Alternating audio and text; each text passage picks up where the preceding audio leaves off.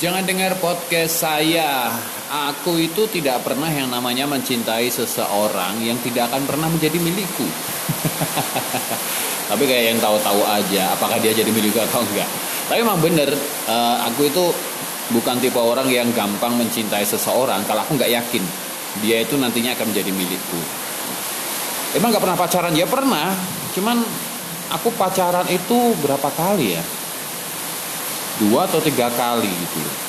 Tapi nggak begitu yakin kalau dia akan menjadi pendampingku. Nah yang sekarang jadi istriku ini meskipun baru ketemu sekali aku langsung yakin.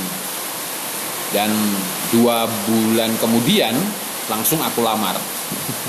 Ketemu Februari April aku lamar dan bulan Juli menikah.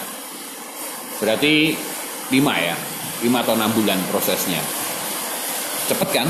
Katanya sih cepet. Tapi banyak loh yang lebih cepet dari aku. Ya karena memang di usia usia usia seseorang yang sudah matang itu mereka itu memang bucin banget. Butuh cinta banget. Apalagi yang udah kepala tiga ke atas gitu. Kalau nggak dapat dapat rasanya seperti takut. Bakalan jadi perjaka tua bakalan jadi perawan tua. Apa kata tetangga gitu.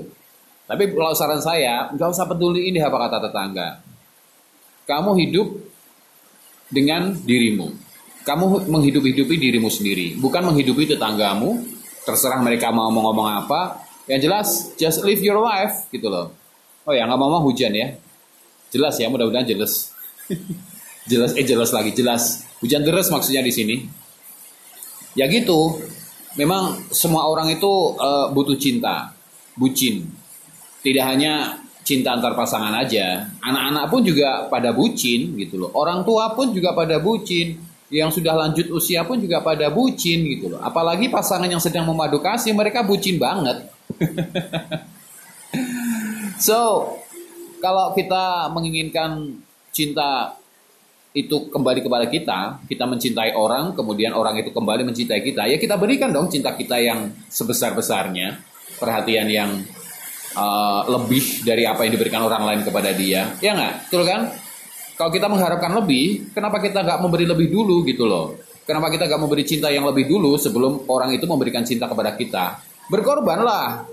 Jangan asal duduk-duduk aja, tiba-tiba cintanya datangnya nggak bisa lah. Jodoh emang udah diatur. Tapi kalau kamu tidak mengubernya, kamu tidak mencarinya, kamu tidak memburunya, ya nggak bakalan datang. Begitu juga dengan rezeki, gitu loh.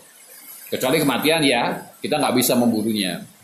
Kapan pun di mana pun, kalau sudah waktunya ya sudah gitu Tapi kalau rezeki, kalau jodoh, kalau kita hanya duduk diam aja, nggak bakalan bisa dapat kecuali kita aktif untuk mencarinya, untuk menggalinya, untuk menyelidikinya, untuk mengeksplornya.